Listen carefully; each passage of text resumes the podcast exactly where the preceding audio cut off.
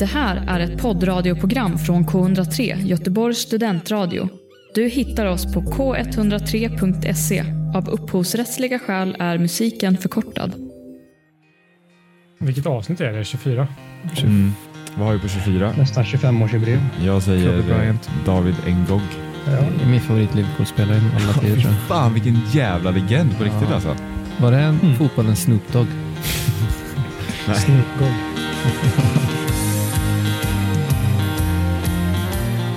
Då hälsar vi er välkomna till det 24 avsnittet av den mycket berömda fotbollspodcasten Fotboll kommer hem. Eh, som ni hör så är vi inte fulltaliga idag. Det är jag, Daniel, som sitter på eh, superproducent Harrys plats. Med mig i studion har jag Karl, Jesper och i Alingsås som vanligt har vi Adam Fröberg. Adam, Yes. hur mår du?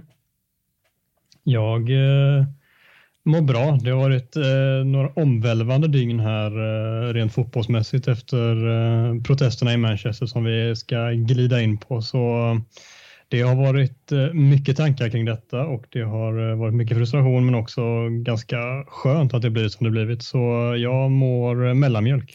Om vi kopplar bort fotbollen ett tag, hur mår du annars? Djup fråga va? Svår att svara på eller?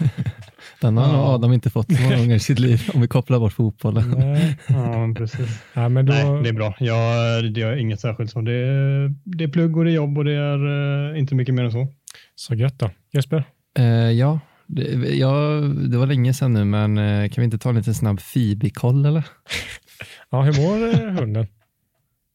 Eh, bra som aldrig förr. Så det, hon håller på att lära sig att det går fint utomhus nu och så där nu håller vi på att växla upp utvecklingen på henne. Är det agility och sånt i framtiden som planerna är på? Nej, eller? nej, nej. Nej. Det, vi jobbar bara bollar så hon lär sig jättebra apport och grejer och sånt nu, men nu ska vi gå bra utomhus också. Världens första fotbollshund eller? Lär sig bara bollar och grejer. Ja, det, vi siktar på det. Mm. Vi släpper fiberkollen och kollar Kallekollen. Hur mår Karl? Den berömda Kallekollen. Mhm. Eh, Karl mår eh, helt okej får man väl säga. Det, det stannar på två plus ungefär. Va- varför detta? Nej men det har varit, eh, man har varit lite bakfull tycker jag nu i tre dagar sedan eh, valborg. Det har hängt i. Ehm, Du har nog varit mer bakfull än någonsin va? ja, För en gångs skull. inte, inte så, så att jag varit, alltså eh, topparna har inte varit extrema men det har varit bara en lång, lång, lång utdragning av bakfyllan som har gjort att, ehm, att den känns fortfarande av idag tisdag, eh, fyra dagar efter. Sen så har det också inte spelats fotboll i England och det gör mig ju lite, gör att jag mår lite dåligt och sen så har det även spelats fotboll på Strandvallen igår i Mjällby och det gör att jag mår dåligt. Mm, ja, det är en tuff helg för dig låter det som. Ja. Men, eh, men eh, över det hela så mår vi skitbra. Ja, stämningen är fan på topp här, K103 Göteborg. Eh, Karl säger att det inte har spelat så mycket fotboll i England. Det har det faktiskt. Det är bara Liverpool och United som inte har spelat. Eh, men övriga lag har spelat och jag har faktiskt knåpat ihop ett litet svep för att eh, få koll eh, ganska snabbt på vad som hänt i helgen. Alla matcher är inte intressanta. Så jag tänker att vi kör det och så eh, på Tutto Balutto-manér så får man bara efter svepet eh, koppla grepp om något som vi börjar prata om. Hur låter det? Magiskt. Omgången började som sig bör vid det här laget i fredags där Leicester skulle ta nya friska pinnar in på kontot borta mot Southampton och visa gänget bakom sig att man inte kommer vika ner sig i första taget. Efter tio minuter drar Westergaard på sig det röda och medvind direkt för Leicester. Men som så många gånger förut denna säsong så viker lag ner sig när det gäller som mest. Med en man mer i hela 80 minuter lyckas man inte nöta ner Ward Prowse och gänget. 1-1 och onödigt poängtapp i Leicesterland. Manchester City roterade friskt efter den makalösa vändningen mot PSG förra veckan, men kunde trots detta med lätthet städa av ett uddlöst Crystal Palace. Fina, fina Sergio Kun Agüero med ett klassmål och det var en fröjd för ögat att få se honom näta igen. Premier League kommer definitivt bli tomt utan honom. På tal om att städa av så var det väl precis det Chelsea gjorde med Fulham. 2-0 även där och den är hårt ifrågasatte Kai Havertz med två pytsar. Och om vi får se in i spåkulan, vad ser vi där? Är det en Kai Havertz som tar Premier League med storm säsong? Ja, det återstår att se, men ni som har räknat bort den unge tysken får nog tänka om. Och än vinkar vi inte gör till Fulham, men läget ser onekligen mörkt ut inför de sista omgångarna. Synd! Visst vill man att landets snyggaste tränare ska vara kvar i finrummet. Sen var det Evertons tur att följa årets trend. Fint läge och bra chans på Europaplats. Tar man den? Nope. Platt fall hemma mot ett Aston Villa som egentligen ända sedan Jack Grealishs skada redan checkat ut. 1-2 till Villa och ja, visst har man fortfarande chansen Everton, men onödigt så det bara sjunger om det. Sitter ni ner? Spänn fast i så fall, för hör och häpna. Arsenal har vunnit en fotbollsmatch och inte bara har man vunnit, nollan höll man också borta mot Newcastle. 2-0 blev det. Och här är det inte slut på det roliga. Vem var tillbaka i målprotokollet? Jo, den uträknade, hånade, före detta malariasjuke kaptenen Pierre-Emerick Aubameyang. Hey! Vad säger du Jeppe? Hur högt var jublet i soffan när kaptenen ätade? Och från ett Londonlag som chockar oss till ett annat Tottenham går och vinner en fotbollsmatch också. Nollan hölls även här och som man gör det va. Gareth Bale ger Mourinho en liten näsknäpp och stänker in ett hattrick mot Sheffield United. One, two, three in that order. Ha! Och alla ni som skriker på att Tottenham är ett one-man team. Harry Kane FC och så vidare. Ni kan ju ta och täppa igen kakhålet. 4-0 och den gode Kane går poänglös från slakten. Vad sa ni nu då? Ja, allt hände fan i helgen. Den mest upphaussade matchen av dem alla spelades inte. Skönt för Kalle som tydligen inte var speciellt taggad ändå. Manchester United mot Liverpool blev istället för en toppmatch ett mäktigt efterspel av superligans inträde. United-fansen har fått fucking nog. Adam var stolt som en tupp hemma i Alingsås.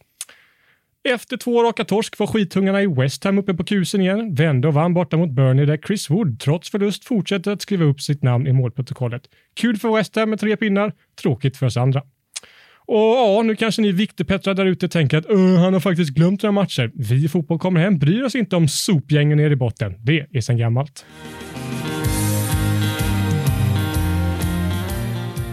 Sa du skitungarna i West Ham? Ja, men jag, känns inte som att man gillar, jag gillar inte West Ham i alla fall. Det är en skitunge. Jag skriver under på det. Ja. De har, har, Dimitri, Payet gillar man ju inte. Nej. Och jag hatar ju också, vad fan är han heter, mittfältaren? Eh, han som är så bra nu. Lirar den nu? Sosek Rice? Nej, Rice. Ja. Ja, Declan Rice. Ja. Fan alltså, det är typ som Pickford. Fan vad han har... ja, men de är lite samma, samma kaliber på de två. mm. Mark Noble då? Ja, men han ser, bara, han ser bara ut som en besviken högstadielärare hela tiden. Eller?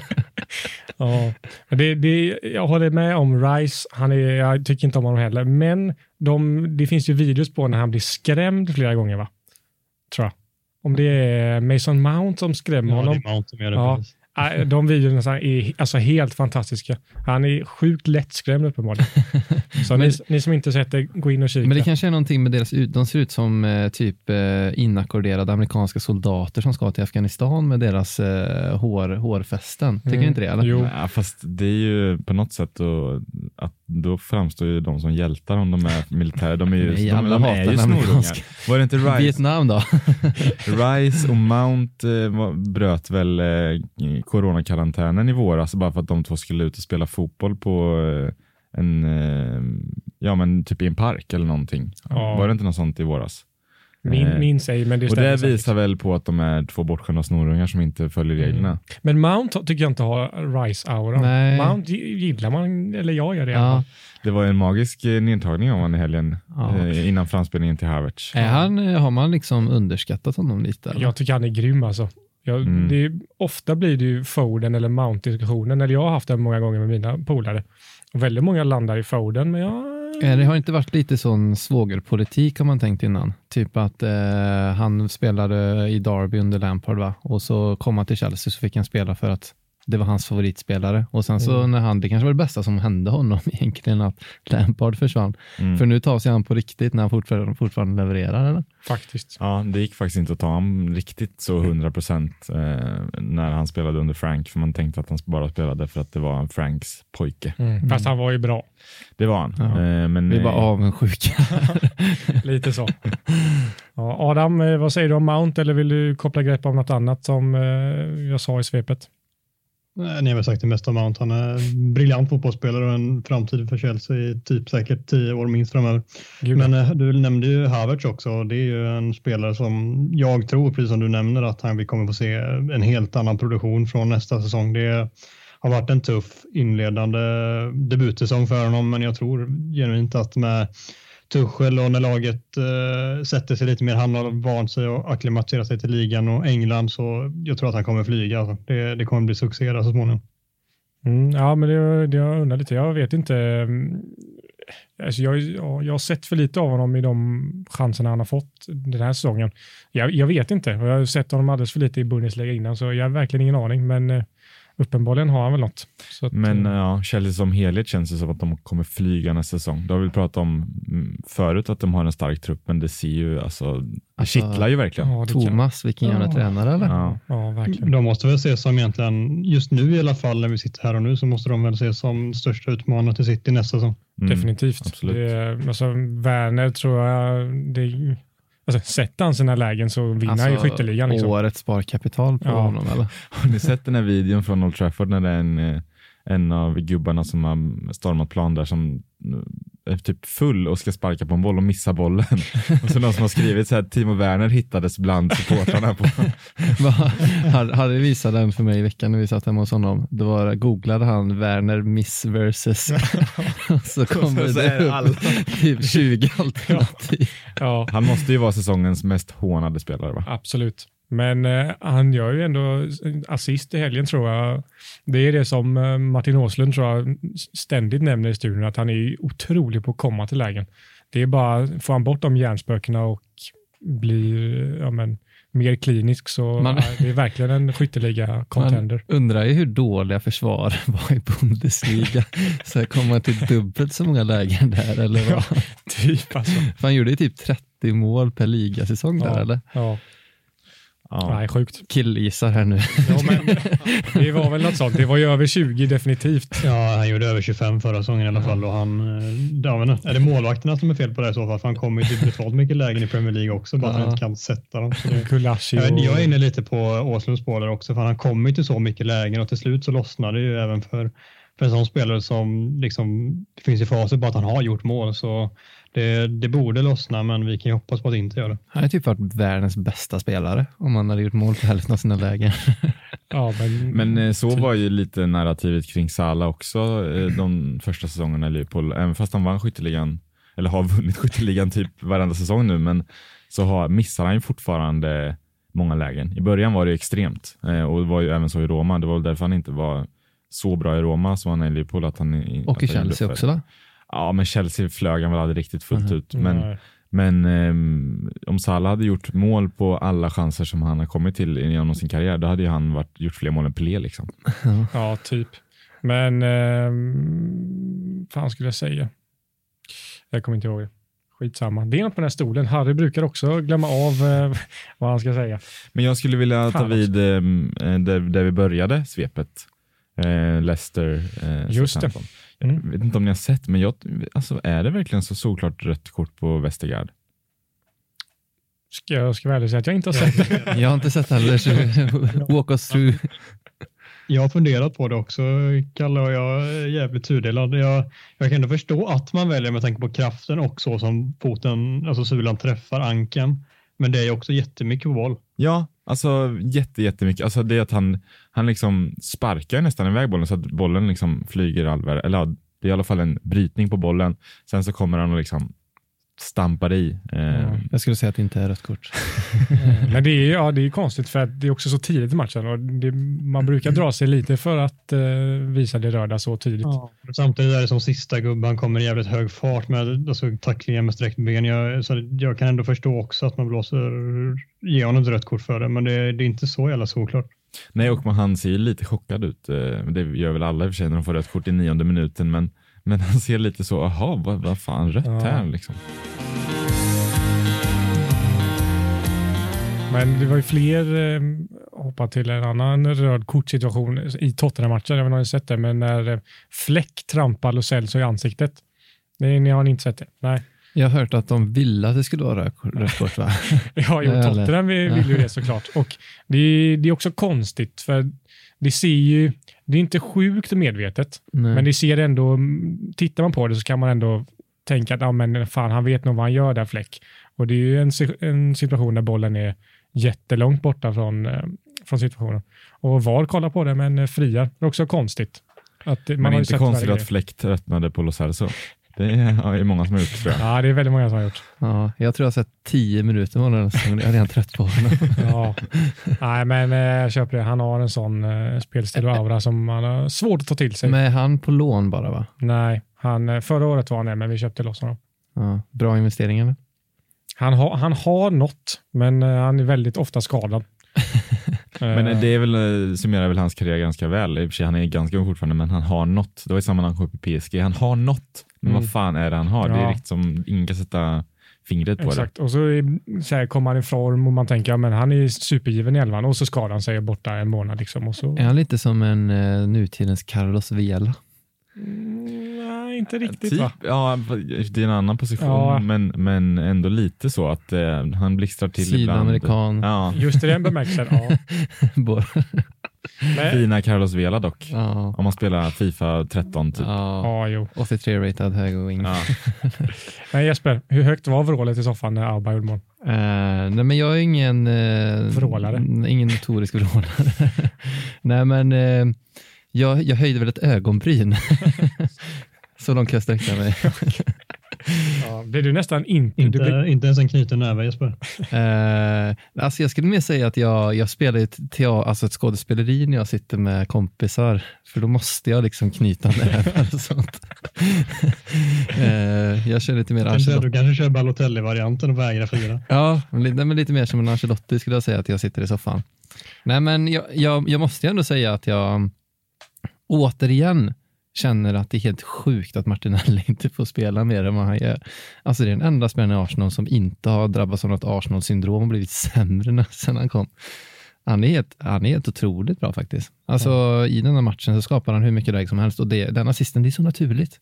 Och det är som att Abba också tycker naturligt bara kasta sig på den när den kommer så naturligt in. Um, ska vi se, vad fan blev det? Det blev 2-0. 2-0. 2-0 ja. Eller en i första. Just det. Det är inte bra. Det var ju hans första Premier League-mål. eh, Ja, det är inte bra. Det var det enda jag tänkte. Fuck, fuck, fuck, nu får han ett år till. Alltså, nej men det är väl, eh, det var ju som de sa i studion i halvlek, ja, man vet ju inte vilket Arsenal man ser i andra halvlek här. De kan ju gå ut och vara Arsenal också och sen så sitter de efter det och bara, ja, sådana här matcher kan de också göra. Mm, så. Ni, Eh. ni roterade ju också friskt. Ja, men det är det som är ganska, jag tycker det är ganska märkligt på ett sätt, men varje gång som vi roterar friskt efter en Europa League-match så går det skitbra.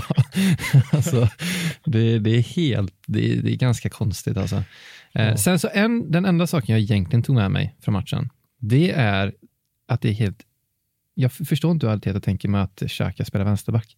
För, för det första så är ju Ceballos är ju kanske ligans sämsta innermittfältare. Det får vi ändå skriva under på. Alltså det är ju Mm. den mest icke-spelande mittfältaren jag har sett i hela mitt liv. Mm. Stackarn. Adam, du håller också med va? Ja, gud, jag är helt med. Ja, bra. Jag behöver bara få vatten på min kvarn här. Nej, men- Sökte du bekräftelse? Ja, men han, eh, jag har aldrig sett honom spela egentligen. Han har aldrig gått in i närkamp på riktigt och han har aldrig spelat en riktigt bra pass framåt känns det som. Alltså det är mer ut på kanten så studsar de fram. Alltså jag hatar sådana bollar som chippas in liksom. Han är Eh, extremt bra på att snurra med bollen. Det är det enda han kan. Ja, Snurra. exakt. Eh, och, och då tänk, jag tycker ju när Xhaka spelar där så är han är ju väldigt, uh, fan rejäl kille alltså. Granit på riktigt. Mm. Det får man göra. Ja, och när han och Partey spelar tillsammans så är det ganska bra, eller Thomas som man vill att vi säger. Thomas. Eh, då är det ganska bra balans. Eh, men nu spelar de Xhaka som vänsterback och då undrar jag varför inte Suarez spelar vänsterback eller någon som faktiskt är typ ändå habil där. och Mm. att Ceballos bara får skickas typ till Spanien igen. Mm. Ehm, men jag såg rykten om att han inte kommer få förlängt nästa år, så jag, det var väl det jag firade över helgen. Mm. Skönt. Men eh, vi älskar ju att prata om Glenn Ström- Strömberg i den här podden. Kommer ni ihåg när, eh, när Glenn Strömberg, eller kom, klart inte kommer ihåg det, men jag snappade upp det i alla fall, när Glenn Strömberg och Niklas Holmgren kommenterade en Arsenal-match, kanske i höstas eller något, och så sa, ehm, så sa Niklas då Thomas till Partey. Och Ja, ja, Glenn, det var, jag. Glenn var liksom Det var inte inte med på att, det, var att han var. Thomas med Partey liksom. Så då, då sa Glenn, Partey eller vad var det du sa nu är Niklas Thomas? Och då säger Niklas, ja det står ju det på hans tröja. Ja, men de har en väldigt märklig relation de två. jag säga. Men ehm, du pratar om Martinelli och eh, ja, jättefint inlägg, men det är, det verkligen så? Alltså behöver du, du kryddar ju lite när du säger att han, att han borde spela varje match. Alltså om han hade varit så bra hade han ju spelat varje match. Nej, men han är en sån spelare som tränare som är ur form borde spela varje match. Alltså om spellaget inte är så bra, då ska inte han spela. Men Arteta är ju, obviously så får han ingen energi i laget. Och om du sätter in honom så är det i alla fall någon som springer. Mm. Det är lite som en bra Daniel James tänker jag. Peak. Han valde att inte Exakt, fånga den. Men vad ska jag säga? Jag håller ju med dig. Har jag aldrig fått så här mycket medhåll i hela mitt liv. Nej men han... Eh, Att Harry inte är. Ja, men han är lite typ, eh, fan det är som att skicka lite energidryck i laget. Ja. Vi är sista tio typ. Det Mm. behövs. Och, eh, men också typ, gillar man inte spelare som är lite, du vet när Robinho kom upp så sa man att han var typ, eh, vad är det man säger, Kom, nej vad är det heter när man, Irrationell. nej men att man skiter lite i vem som är på andra sidan. Alltså han är lite oförskämd liksom, bara gå in och finta liksom världens bästa Mm. backar. Och jag kan tycka Martinelli är bara, ja här var, Inte det Karen Clark och Emil Kraft. Jag tänkte säga det. ja, Han brydde sig inte. Kanske inte denna matchen då, men eh, liksom det kan vara, eh, tänkte jag säga, men typ Van Dijk. Mm. Och han kommer ändå bara, "F- fuck Van Dijk. Ja. Ja. Ja, det är, sånt gillar man ju. Verkligen. eh, Pato var också en sån. Mm. Kommer du ihåg det målet han gjorde i Champions League? Ja. På, efter typ några sekunder. Ja. Han bara petar den och så. Alltså, efter att ha sett Daniel James så gillar man inte alltid folk som tror att de kan ta sig an vilken spelare som helst. Jag lovar. Ja. jag griper efter det jag får här just nu. Men, eh, nej, men det borde väl gott att Aubameyang gjorde mål. Eh, det var bara så att han kanske wastade det här målet nu på helgen och inte mitt i veckan. Ja, men var inte det här endast en seger för, för att bygga upp självförtroende inför det, det viktiga på torsdag? Liksom? Jo, men jag tror att Arsenal är varannan matchlag och det är det som oroar mig. Skitmatch i torsdags, bra match i helgen, betyder skitmatch nu på torsdag. Mm. Ehm, men det, det kommer. Mm. Det var, Ni mötte också ett Newcastle som har gett upp, eller de vet att de är klara nu. Exakt. Ja, en Newcastle utan Whitlock mötte vi. Det var nog det. Det var det som Alltså, typ. Ja. Eh, Nej, men eh, där, det var ungefär det min Ja. ja. utläggning. Alltså, ja, men vi behöver inte prata mer om Ja, men den är en toppklass. Ja. Alltså, så här, utläggning. första gången så borde vi typ inte ens, eller är det första gången som var värt att nämna Arsenal? För nu så Kanske. bröt de emot hur de brukar vara. Mm. Ja, det var, det var kul att prata Arsenal typ. Mm. Ja. Synd att det är tre omgångar kvar.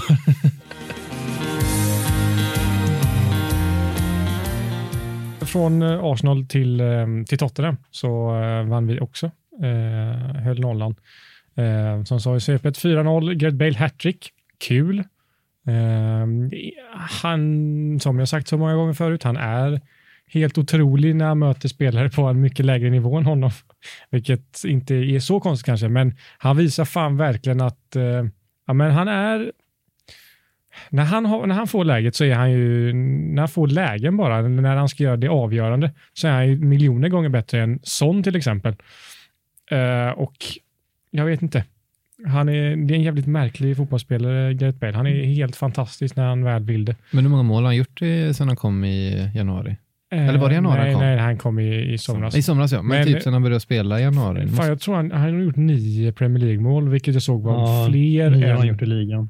än den som gjort mest mål i Chelsea. Ja, det är ju ändå, får man ändå anses vara väldigt bra. Ja, med tanke på att han inte spelat så mycket så är det, det är helt otroligt. Men då har han också gjort tre mot, mot ett uh, sopgäng som är ut, ur. Men det är, tråkigt har, att, det, ja, det är tråkigt att Harry inte är här eh, när vi pratar om hans älsklingsspelare. ja, fan vad bånga han fick i, i chatten när Gareth Bale gjorde hattrick. ja. Han gillar Bale lite för mycket för att vara arsenal Vet du vad jag tror att, jag vet vad anledningen är? Att de, är, de möts över golfen. Ja, det är det, ja. Jag tror det är det. Samma det. intresse. Ja. Det är det. Nej, men eh, som sagt, han sa så här, när han spelade mot Arsenal, fick starta mot Arsenal, så var han ju brutalt dålig. Han kan inte spela mot eh, lag där det går lite, lite för snabbt för honom, typ. Eh, men när det är sopgäng som Newcastle och Fulham och Sheffield, så nej, han är fan grym alltså. Så att, fortsätt med det. Vi har ju ganska, ganska tacksamt schema kvar, så att det, det, vi kommer nog se ganska mycket från Gareth Bale eh, avslutande. Är det också så kanske att han har en sporre att han spelar för någon slags kontrakt? Typ? Kanske. Alltså, vi snackade ju för några månader sedan där vid landslagsuppehållet att han, vissa tyckte att han gjorde bort sig i intervjuer eh, och sådär.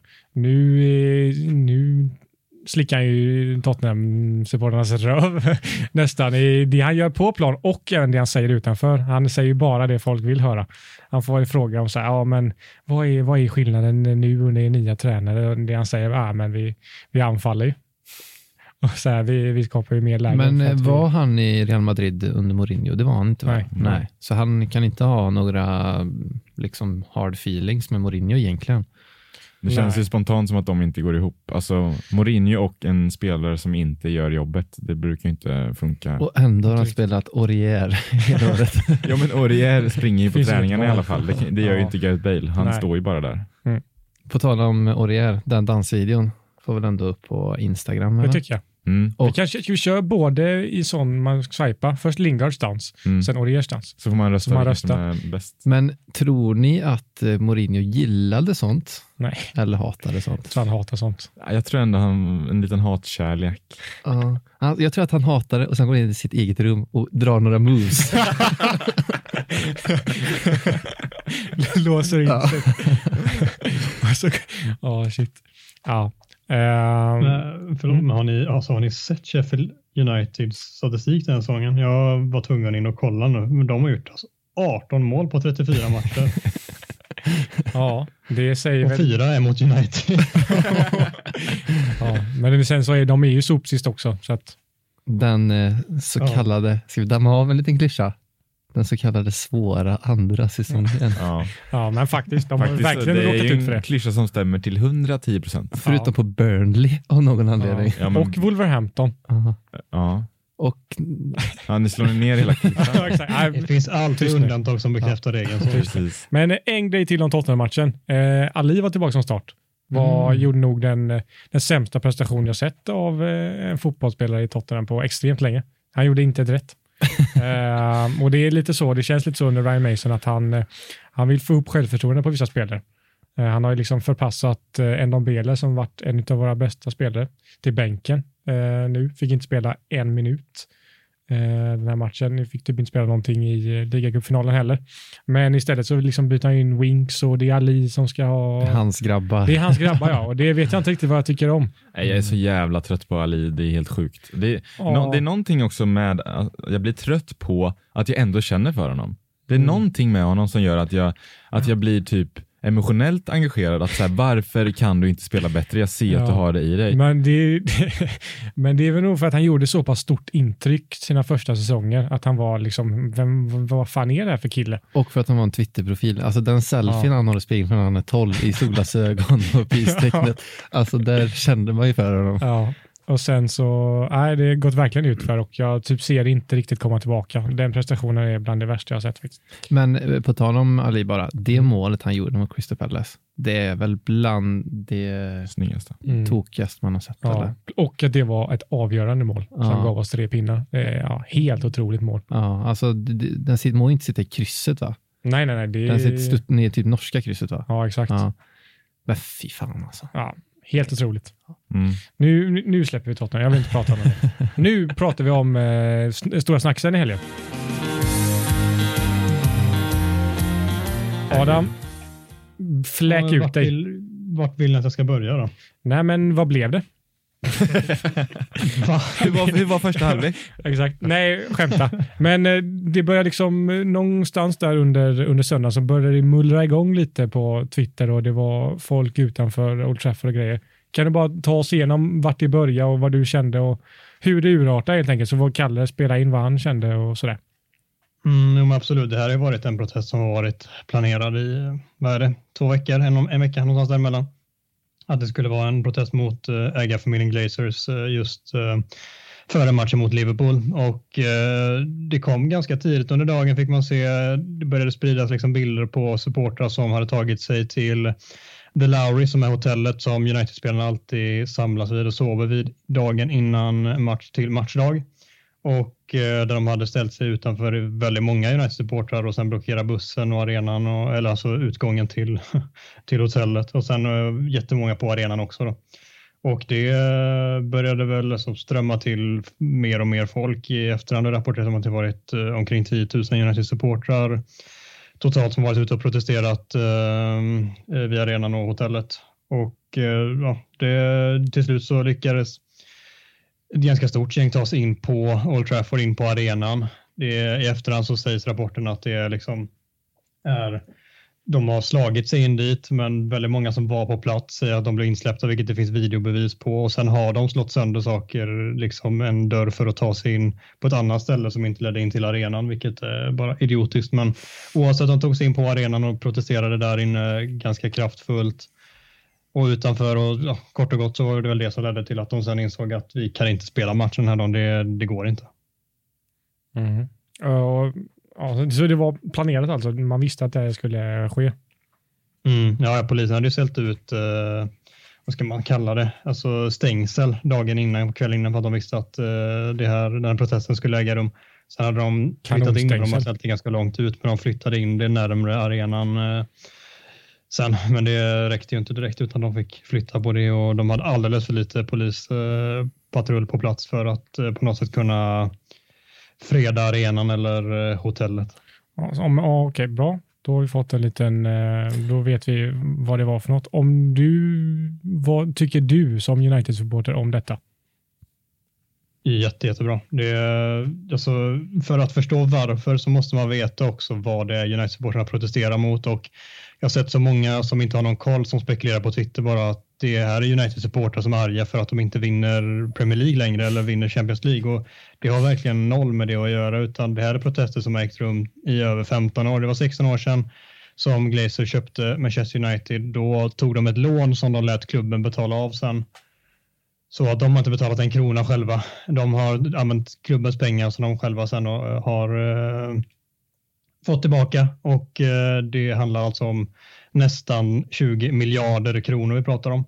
Och eh, det är där som protesterna har börjat egentligen från och med då. Eh, dåvarande vd David Gill och eh, Sir Alex Ferguson tillsammans med alla supportrar var öppet negativa till Glazers köp av klubben men de tillät köpa klubben ändå trots detta upplägget vilket eh, går att ifrågasätta en hel del men de fick i alla fall göra det enligt, eh, enligt ligan och FA. Ehm, så eh, det har varit protester konstant sedan dess. Det har legat och puttrat och sen har det kommit upp till ytan med jämna mellanrum. Senaste största protesterna var 2010 eh, när vi hade vunnit tre raka Premier League-titlar och en Champions League-titel. Då var det som allra värst när Milan och David Beckham kom på besök på Old Trafford i Champions League-slutspelet, kvartsfinalen.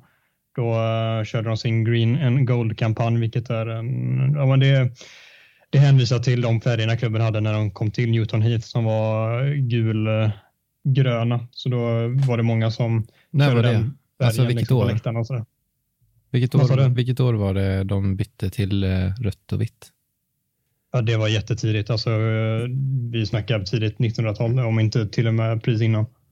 Okej. Okay. Så rött och vitt har det varit jättemånga år. Grön och guld är verkligen för att liksom kontrastera där att vi, vi gillar inte det som klubben har blivit så vi vill tillbaka till rötterna. Typ. Det är väl därför man väljer de färgerna, färgerna när man protesterar. Då är det grönt och ja, guld eller gult hur man nu vill benämna det. Så det är väl egentligen, liksom man måste ha den informationen i ryggen för att förstå varför det har blivit så här och sen när superliga-beskedet kom så var väl det någonstans det som fick bägaren att rinna över för så så många. Det var där folk drog sin, sin gräns och som man verkligen förstod att det finns noll återvändo med Glacier som ägare utan vi måste få tillbaka våran klubb. Det, det håller inte att ha det så här och då ledde det till de protesterna som har blivit. Så jag har varit helt för dem. Det var de som har tyckt att det har varit fel att ta sig in på arenan. Jag tycker inte det. United-supportrarna har testat alla möjliga protester utanför arenan, inne på arenor, alltså utanför träningsanläggningar, allting utan minsta lilla gehör från eh, ägarna eller från någon annan som kan fatta ett beslut. De var tvungna att göra saker som verkligen, verkligen träffar dem där det känns och det är att komma in på arenan som är någonting utöver det vanliga. Det är att ställa in en match på sättet som de gör för att det då faktiskt påverkar Glazers. De ställer in alltså Englands största match, United mot Liverpool. De ställer in en av världens största matcher som ses av flera miljontals människor. Framför allas ögon ser alla detta, det här stora missnöjet. Det är precis det man vill åstadkomma med en sån här protest. Så jag är helt för det. Sen finns det alltid en idiotisk minoritet som ska förstöra genom att som kanske inte är där för att protestera egentligen. De vill bara dit och förstöra och gör dumma grejer och det är klart, såklart förkastligt men 99,99 procent ,99 är där för ett gott ändamål och det får tillbaka sin klubb som de lever, dör och blöder för. Grabbar, vad har ni mm. för inspel? Karl? Jag eh, håller med Adam och eh, jag hoppas att de här protesterna leder någon vart. Jag kände väl att när matchen inte blev av, visst jag var inte supertaggad på matchen, men, men när matchen inte blev av så kände jag att om de har påverkat på det här sättet så måste det också hända någonting. Att det här, de här protesterna var inte förgäves, eh, hoppas man ju. Jag kan känna lite i efterhand att, att, att, att det blivit mer fokus på protesterna, vad som hände, snarare än varför man protesterade. Eh, liksom, jag tycker mm. inte att, att, att, som Adam sa, att de stoppade världens största match och att det då blir liksom ägarnas fel. Jag tycker inte att många tänker så. Nej. Man ser det som att det var United-supportrarnas fel att det inte blev någon match. Eh, och, och... Mm, United-supportrarna ses ju inte som offren här utan det är ägarna och klubben och alla andra som ses som offer. Vilket, alltså jag, jag, kan förstå att vissa kommer med den synvinkeln men då har man inte läst på eller har någon koll egentligen vad man pratar om och det är väldigt tråkigt. Ja, verkligen.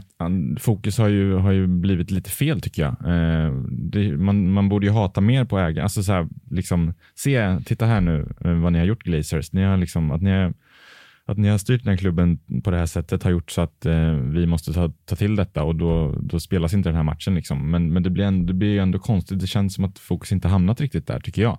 Men sen är det också mitt flöde, alltså jag går ju mycket på vad Twitter säger och liksom så. Och mitt flöde är ju riktat lite mer kanske mot United-supporterna för att man kände en ilska då liksom mot dem. Men jag tycker att eh, protesterna var helt, eh, var helt rätt att göra. Eh, som Adam säger, synd att vissa idioter inte kan bete sig och eh, gå på police officers och eh, slå sönder stolar och sånt.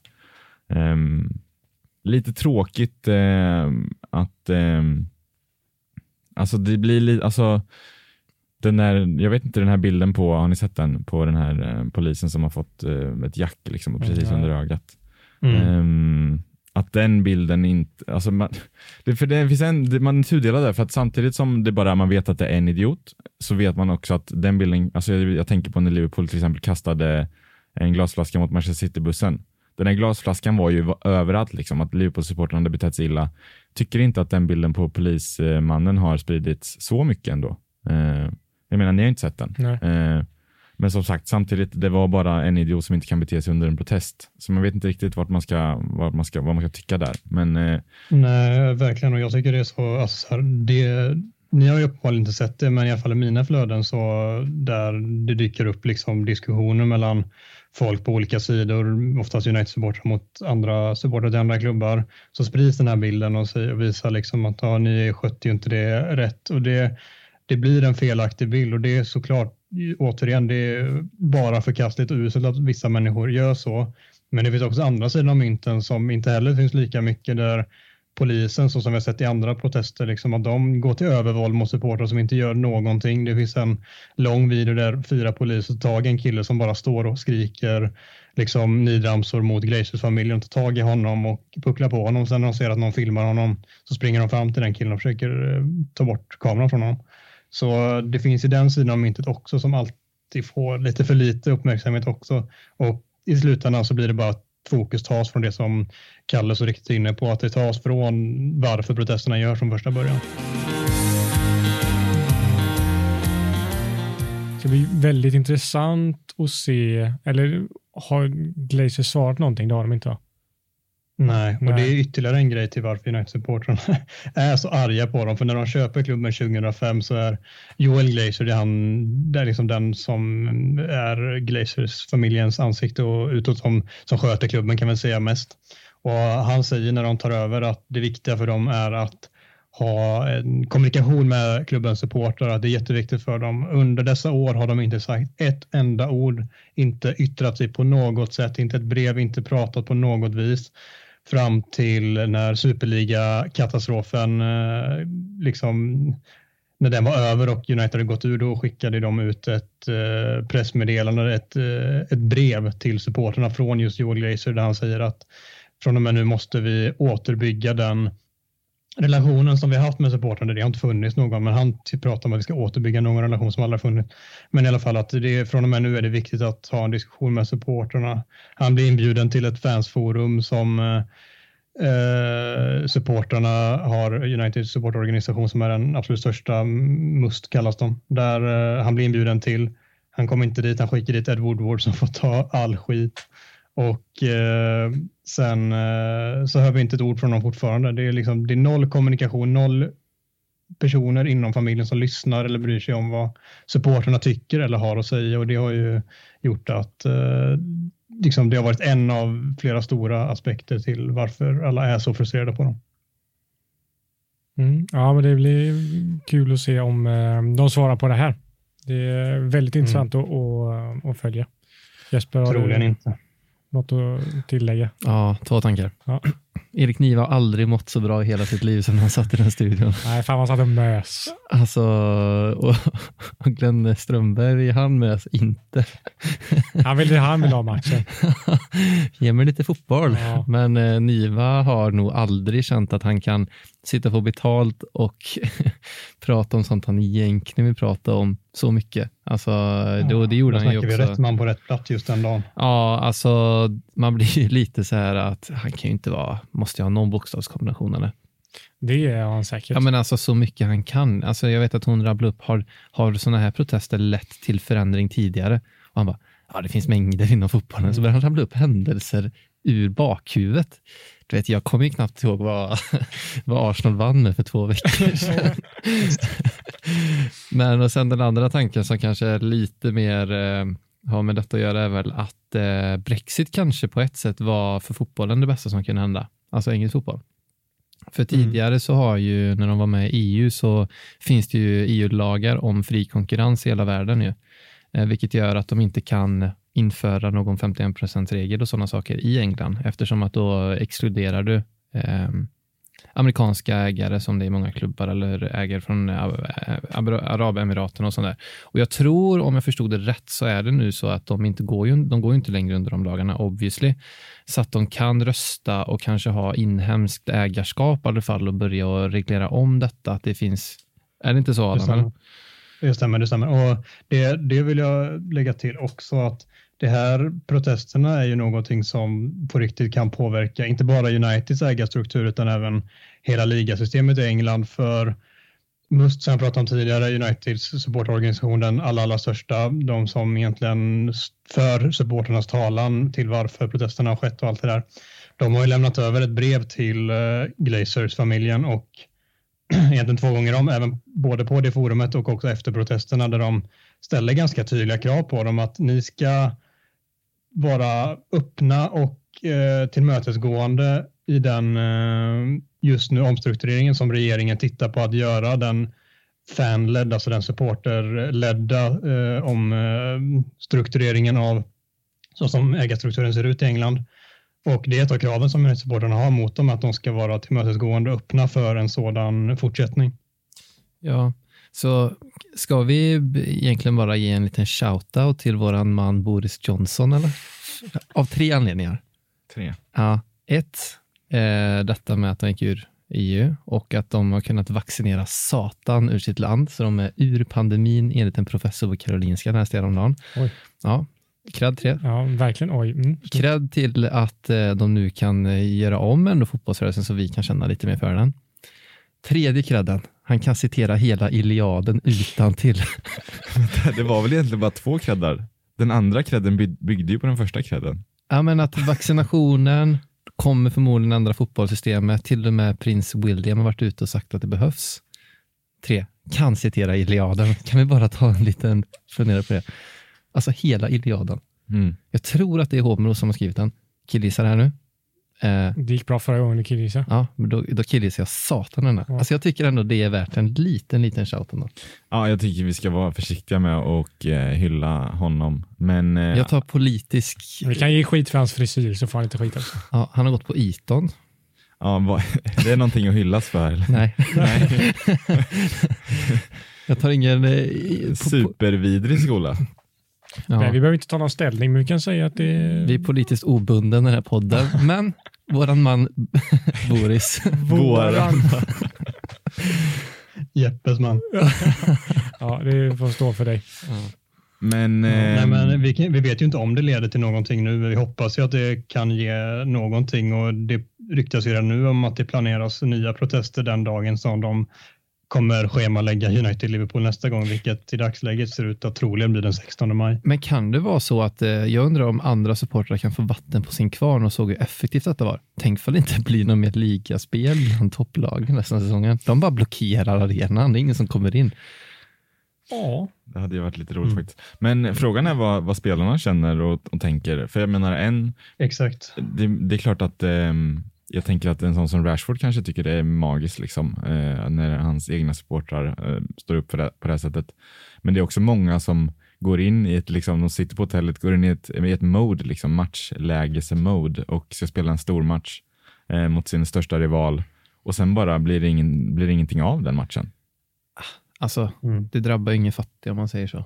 Jag, jag tycker inte synd om dem. Jag bara undrar om de kan ha två tankar i huvudet samtidigt, som vi pratade om många gånger. Kan man, sa, sa, Kan det vara både Samtidigt- Erik Niva och Glenn Strömberg? precis, samtidigt som man är besviken över att matchen inte spelas kan man också känna att fan vad bra att våra supportrar gör detta. Jag tror inte att, Liverpool, att, Liverpool, att många av Liverpool-spelarna kunde ha den tanken Nej. i huvudet. Nej, de var nog besvikna. Tänker du på någon irriterade, framför allt tänker man. eller? Nej, men jag, nej, jag tänker väl generellt bara. Jag tror inte, alltså hade Jürgen Klopp fått stå i en intervju eh, precis när det hände tror jag att han hade varit sagt att det var onödigt och supporterna behöver inte vara så aggressiva och så vidare. Eh, känns som att många tyvärr eh, tänker för mycket på tävlingen och sporten och eh, eller tyvärr, det är också därför de gör det här, det är deras jobb. Men att, att man inte då kan släppa lös lite i sina uttalanden och vara på supporternas sida. Lite tråkigt ibland. Men man förstår dem samtidigt. Ja, det, Ja. ja, det blir ju också... Ja, ja. Kör Adam. Förlåt, men kör, kör du den nu? Kör. Men eh, alltså, så här, jag har sett många som har så svårt att lyfta blicken som är så här, ah, kunde inte United-supportrarna gjort detta inför Roma-matchen istället så kunde United-Liverpool få spela i alla fall. Alltså det är så här, det är, då fattar man ju inte vad det handlar om. Nej. Och det är väl viktigt att uh, Göteborgs studentradios största podcast tar upp det här då, så att folk fattar. Men det var väldigt roligt. Eh, såg ni Liam Gallagher på Twitter? Nej. Han skrev exakt Mm. den tanken som Adam sa. Att så här, hade, ju, hade verkligen Manchester United-supportrarna gjort det här om de hade chansen på ligatiteln?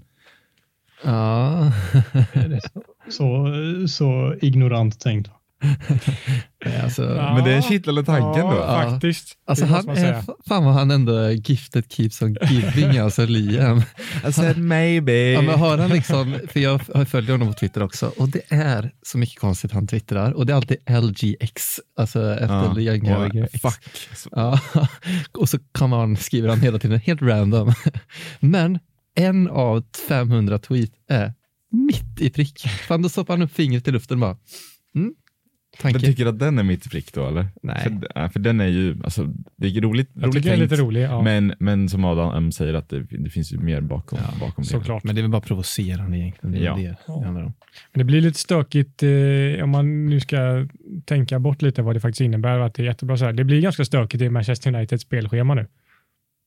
Ja, och Liverpools också. Det påverkar dem med. Ja, jo, men ni har ju fler matcher att ta hänsyn till. Ni kan bara skita Det- i Europa League eller? Ni Ja, är så en till Europa League-match. Ur våran synpunkt än för Liverpools. Ja. Eh, Det som det pratas om just nu är ju det enda datumet som egentligen går är den 16 maj och då möter ju Liverpool redan West Bromwich. Däremot så går det att flytta den matchen för Liverpool har ingen match på helgen innan eller vad det nu är. Ja. Vilket gör att om man kan flytta den matchen så kommer United Liverpool kunna spela då. Men det är enda luckan som finns om United skulle gå då till Europa League-final, vilket ändå känns ganska sannolikt. Det kan vi nog... Eh, vi gratulerar United redan nu till, eh, Till till Europa League-finalen. Fan, har han blivit lite aktivist, Gary Neville i BBC eller? Nej, Sky Sports. Äh, Sky Sports. Alltså, Men- fa- börjar han ändå inte, li- tycker inte att de liksom lite gör sitt varumärke när man ser de här filmerna i Sky Sports ibland? Alltså, jag, tyck, jag kan tycka faktiskt att Ranson ibland, Mm, men man får också tänka att de är förebilder och pratar till en enorm publik. Jag tycker att- jag tycker att, att de det- in, att, de, att de går ett snäpp för långt istället för ett snäpp för lite, är ju, det får man ju ha överseende med. Alltså det är ju det är bättre det än, än att de inte gör något. ja, alltså jag tycker det är bra, men inte bara Gary Neville. Men jag, det känns som att de där, de gillar ju, de gillar ju sig själva. Många.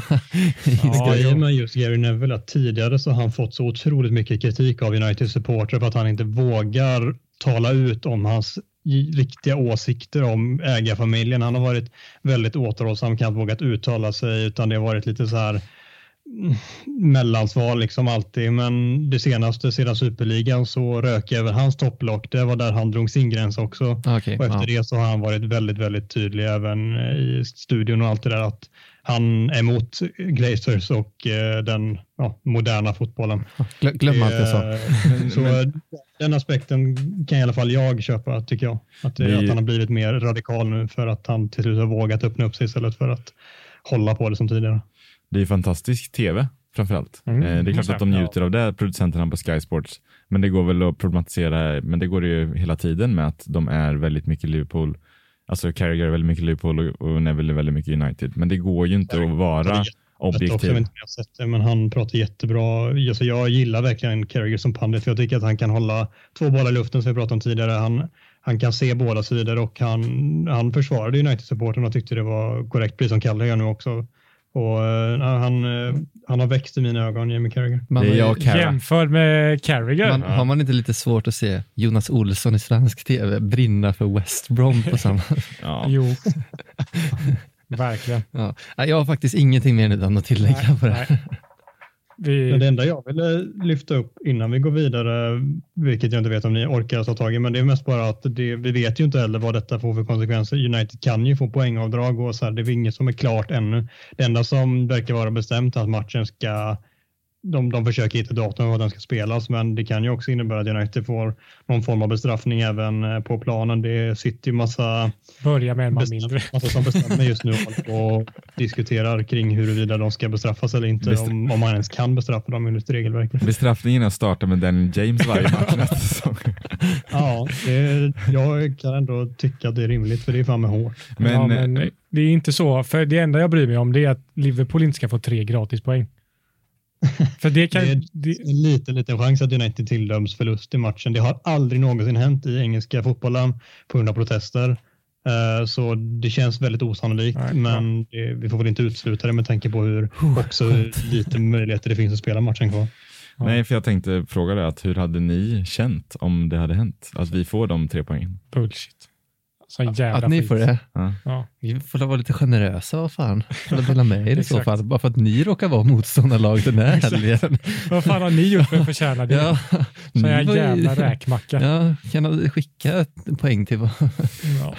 Då, får man, ja, då får man spela matchen. Och sen så om vi får, blir av med poäng till exempel.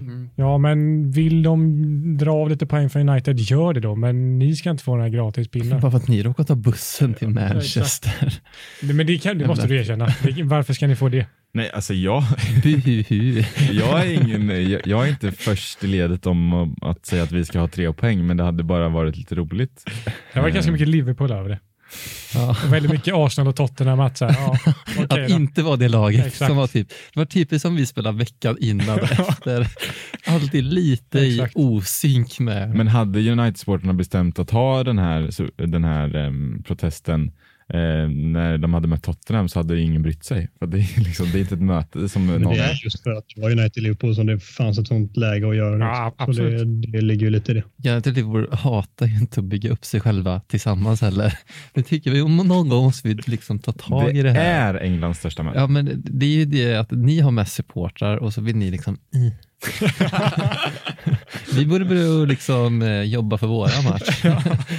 Mest supportrar, mest titlar, det säger väl sig själv. Ja. Ja, ja, Två ja. lag på dekis skulle jag också säga. Nej, men United kan, jag, jag bryr mig inte så mycket. De kan få poängavdrag. Det kommer inte hända någonting för, alltså, i serien ändå.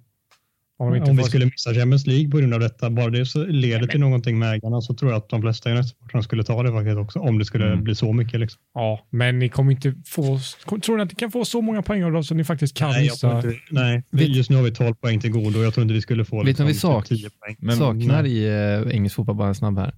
Det är, alltså jag är väldigt svag för poängavdrag i inledningen av säsongen. Alltså jag, hela vår uppväxt så man kollat på italienska ligan på text-tv och det är alltid tre lag som Parma minus nio. minus 9, minus 21 i Nej, Serie B. Sheffield Wednesday i Championship började ju med minus Ja. 9 den här säsongen. Ja. Ja. 11 lag. Men det, alltså det borde egentligen något lag varenda säsong ska alltid börja på minus. Eller? Något Mm. lag måste fiffla lite. Typ att United minus 12 nästa säsong. Ja. Men jag tänkte på, eh, vi pratade om, om Glenn där, att han, han mådde kanske lite skit när han satt bredvid Nive där. Men han hade ju också, jag tyckte ändå att så här, han, var, han, hade, han stod upp för sin åsikt och alltså jag menar, i vanliga fall så säger han ju saker som inte är åsikter, typ alltså här, den här spelaren är rapp, han är kvick, han är snabb. Alltså, här sa han ändå någonting. Är inte det Niva som säger så? Tre synonymer. Nej, det, det är Glenn som säger det varenda gång. Här sa han ändå liksom, vad händer om det inte om, om protesterna inte svarar så att det inte händer någonting med Glazers-familjen, vad är nästa steg? Det kan eskalera ännu mer. Vad, vad tänker du där Adam, liksom, om det inte händer någonting? Mm. Ja, jag funderar på det också. Jag tror att United-supportrarna som var där, det var jättemånga som höll skyltar och sjöng det så här, We decide when you play och jag tror genuint att de kommer fortsätta protestera så kraftfullt tills att det inte finns någon återvändo. Och sen om det går, jag vet inte om det går att mobilisera det. Jag hoppas det att de som är på plats där har möjligheten till att göra det, men vad som är nästa steg, jag, jag vet inte och det, det skrämmer mig lite för jag hoppas att som jag varit inne på tidigare, det, det finns ju alltid gränser där man går för långt och det hoppas jag inte att det kommer landa i det. Liksom. Alltså, ni är redan, nu har ni kastat handskarna liksom, om man tänker lite mm. så. Det går inte att backa nu. Det går inte att backa efter två i båset. Inte plocka fram pistolen eller kniven då, utan det kanske räcker att stanna någonstans där. Men som i en hockeymatch, liksom. det är inte så att du kastar handskarna och sen går du och ger den, går och sätter dig, utan det får ju vara någon som... Men Glenn ja, menar väl på, på är viktigt. Glenn menar väl på att det kanske kan bli våld mot typ spelaren, att det blir en farlig situation för alla. Ja, ja det kan nog bli. Det som mm. kanske är att det ändå blir, jag undrar lite bara, hade, säg att det hade varit supportrar så hade det suttit 70 000 turister på läktaren också, oavsett, eller? För jag tänker nästa steg kan ju vara att det är supportrarna som och så skiter supportrarna i att gå på matchen. Det är ju en väldigt tydlig grej. Mm. Men det känns som att de bara kommer kalla in några kineser från London då som sätter mm. sig också, eller? Alltså då blir det inte så Nej, den protesten kanske inte får Nej, så man undrar vilka möjliga protester det finns. Nej, precis. Den här typen av protest som gjordes nu är ju, har ju endast varit möjlig på grund av att det inte är någon publik på läktarna. För en normal säsong så får ju alla gå in på läktaren om du har liksom en, en biljett eller så. Då, kommer, då är det ju öppet. Nu var det ju en arena som skulle vara stängd som de lyckades bryta sig eller släppas in på. råder olika uppgifter om det oavsett. Så det hade ju inte gått om det inte var pandemi där inga släpps in på arenan normalt sett. Jag vet vad de borde... Öppna, öppna portar. Vad de borde göra. Vet, när Flamengo skulle spela i eh, Copa Libertadores, någon bortamatch någon, så hade de ju anställt den, eh, den här typ maffiagruppen som var i den staden i Sydamerika som stod och tutade med tutor utanför spelarhotellet varenda natt. Eller två nätter i rad för att de inte fick någon sömn, det andra mm. laget. De borde göra det utanför Glazers hus i USA. United anställer typ tio amerikaner. De ska bara stå och tuta där tills det händer någonting. Vad säger du om det Aron? Ja, lycka till. De har någon inhägnad med herrgård där det är två mil till huset eller någonting. Så ja, det, kan han storma Old Trafford så... ja, det är fan något vi har lärt oss under det här pandemiåret, att ingenting är fan omöjligt. Ja, för att bolla tillbaka lite till eh, det att Karl, du sa att du var otaggad inför den här matchen. Jag noterade även att eh, förra helgen så, så var du även otaggad på att se Liverpool spela då och många av mina andra kompisar utöver er eh, har också varit inne på att man har inte samma sug att kolla fotboll och Premier League efter hela det här superliga-debaclet. Och ja, ja men Karl, du kan få mm. ta vid där. Mm. Vad, hur, hur, känner du Nej, men Jag tror någonstans att superliga, vad sa du, debaclet? Debaclet. Debaclet. Eh, att det var liksom eh, det som fick eh, bägarna till över någonstans. Att det har varit någonting som har legat och grått eh, underifrån eh, med pandemin. Att mm. det har varit matcher utan publik. Det har gjort att man har känt sig lite mindre taggad. Och sen kommer den här grejen där man bara kände hat och vrede och, och ilska för att ta en Glenn Strömberg-referens och säga tre synonymer på samma gång. Uppgivenhet. Uppgivenhet, eh, ledsamhet, eh, bitterhet. Sorgsen. Sorgsen. Ensamhet. Man, ensamhet också. Ja, men eh, generellt så bara så tappar man glädjen helt enkelt. Um, men jag, som jag sa så tror jag att, att, att bot, det bottnar någonstans i, i den här, den här säsongens fotboll som har spelats. Att det inte går att tända till på samma sätt eh, utan publik. Det känns som att spelarna eh, inte heller eh, känner samma glädje eh, och det bara är någon, någon gråhet. Alltså det, det är grått när man tänker på fotboll 2021, mm. tycker jag. Mm. Ja, du är inte ensam där. Jesper, håller du med? Eller ja, alltså det som jag egentligen tycker är roligast med att kolla på fotboll, det är ju inte kolla på kolla fotboll, utan att kolla på inmarscherna. Jag brukar alltid, när jag var mindre, brukar alltid kolla upp vem som har roligast. Här, typ spela West Ham hemma så vill jag We forever blowing bubbles. Och Mm. sitta och kolla på den typ. Ja. Eller så kollar jag på Liverpool när de sjunger, eller det, så kollar man på, Chelsea. Ja, den är också bra. alltså, och då brukar jag egentligen kolla på det och det är ju så här, det är bara för att det är supportrar där. Ja. Så um, jävla rä... Glenn har sagt, det är fan räva alltså. räva. Det är röva. Men eh, nej men alltså, jag har nog inte kollat. Jag, I helgen så satt jag med dag, jag kollade, alltså den var i bakgrunden matchen. Alltså jag, jag hade inget annat att göra. Hade jag haft någonting annat bättre att göra så hade jag inte kollat. Nej. För att eh, vad, vad kolla, jag, man kollar ju inte.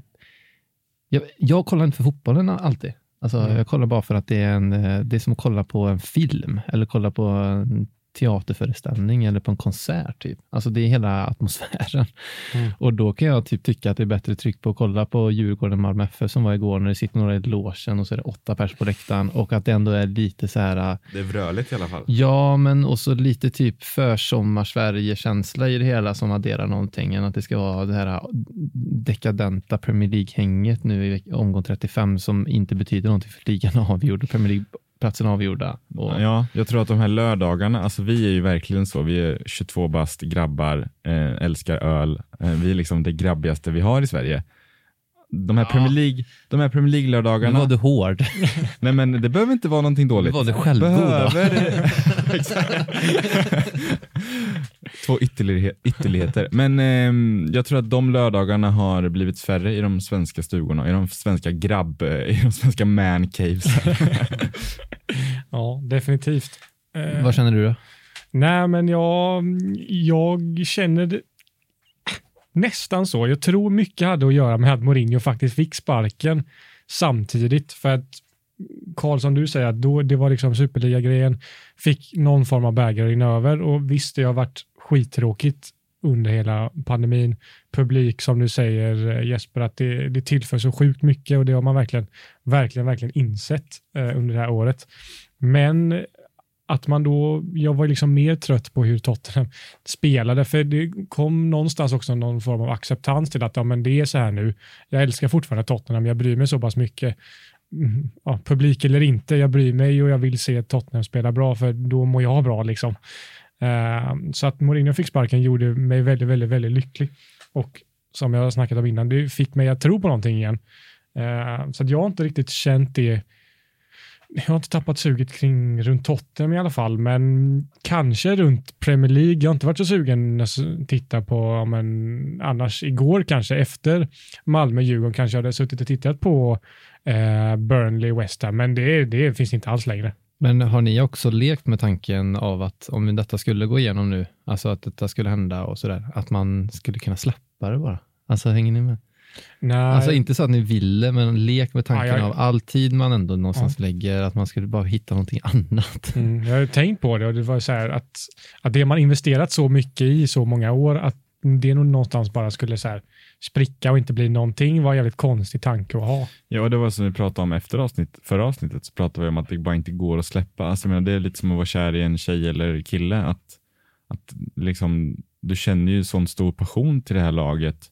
Du kan bara inte då vända ryggen och strunta i det. Du kommer alltid tänka på... Fast inte om de varit i Superligan. Jag tror fan, där går gränsen. Jag tror alltså. inte... Alltså, jag tror inte Vissas gräns, men jag, jag menar, du, du, den här killen eller tjejen, om vi ska dra den, eh, den metaforen, så kommer ju den killen och tjejen kunna vara otrogen, men du kommer ändå kunna tänka på, på den killen Jo, men efter ett tag om man inte varit och hängt på, alltså det handlar ändå om att man bi, alltså, bibehåller någon typ av gnista. Va?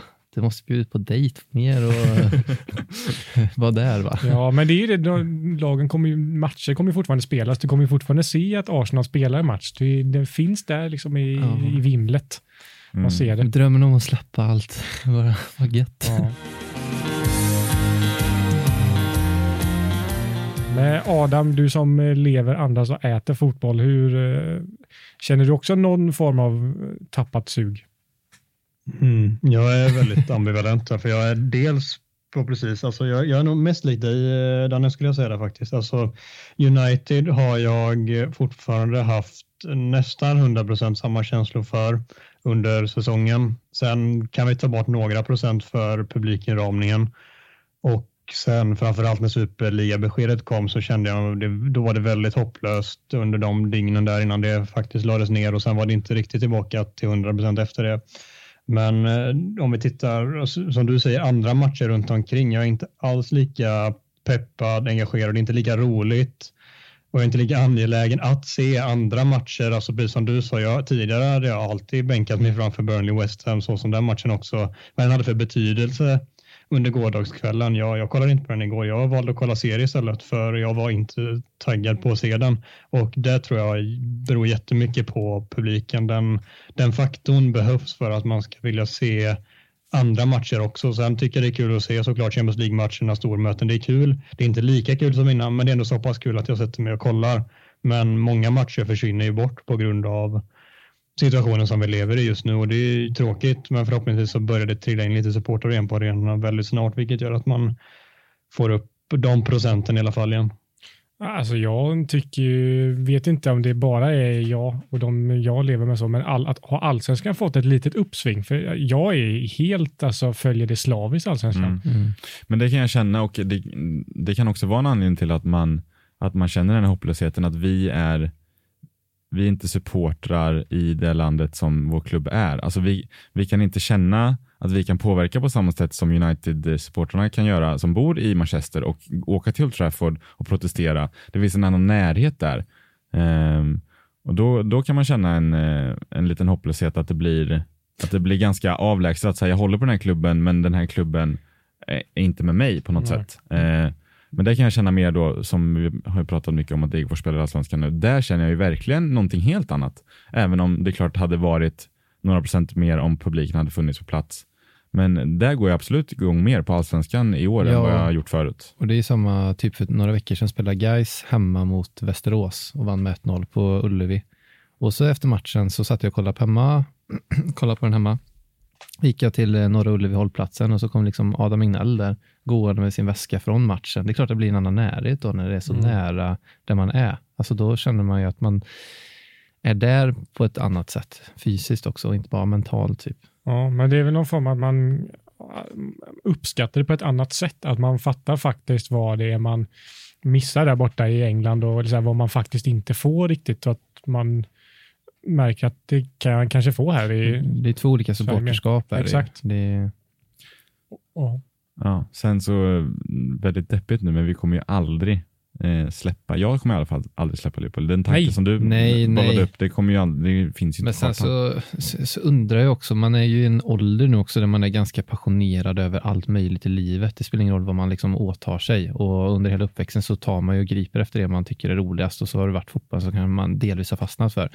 Jag undrar ju hur ett supporterskap förändras över tid. Det, det kommer vara en sån sak som jag nog kommer fundera över. Alltså hur mycket tid också när man får familj på ett annat sätt. Hur mycket kan man faktiskt stå och kolla? Det kanske är så att man får i så fall välja ett lag eh, en match i veckan på ett annat sätt än nu när man kollar på allting. Jag undrar för att jag tror ändå att ett intresse är någonting som man bygger upp och bibehåller. Typ. Alltså man läser om allting, du är där och så fortsätter. Jag undrar ju sen när man har annat som, ja, hur men kommer det vara då? Det beror liksom? väl också då på hur man ser på sitt supportskap. Är det bara ett intresse eller är det någonting som du måste göra? Alltså ett intresse känns ju inte, alltså en hobby eller ett intresse känns som att det kan man välja bort. Mm. Eh, men handlar det om någonting större än ett in intresse så går det inte att välja bort. Nej, ja, lite så. En del är det ju liksom en del av livet, det är en del av deras personlighet, en del av vad de är och då tror jag inte det går att välja bort på det sättet som om ett intresse eller en viss del av ett supporterskap är. Så det, det finns nog olika garderingar på det också tror jag. Mm, ja, vi borde typ ha en eh, support, eh, supporterskap och supporteravsnitt egentligen. Ja, faktiskt. Och gå igenom detta. Mm. Men äh, ska vi... Det borde kanske vara dags att runda av, ja. Med de, eh, med de pigga exakt. orden. Men vi kan avsluta med något piggt. Vi har nått 100 följare på Instagram. Ja, det är magi. Har vi det? Ja, det har vi. Stort. Vi har sprängt den barriären. Vad är nästa mål, Kalle? Du som är sociala medieansvarig. Eh, 100 000. 100 000.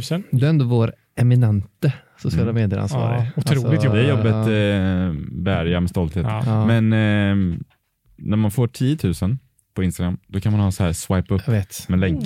Det är ju faktiskt Ja, men Det är magiskt. milstolpe. Når vi Mm. 10 000 en gång så kommer vi antagligen också Det kommer ha swipas spons. upp.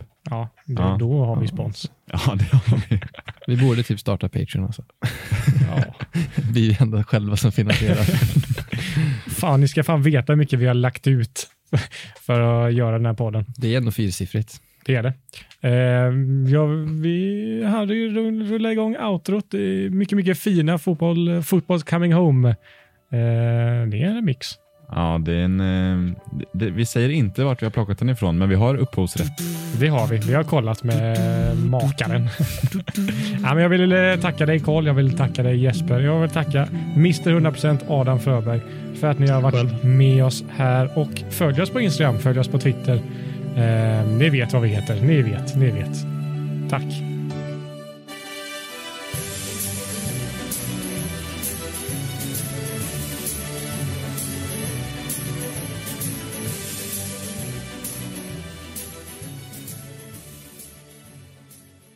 Du har hört en poddradioversion av ett program från K103.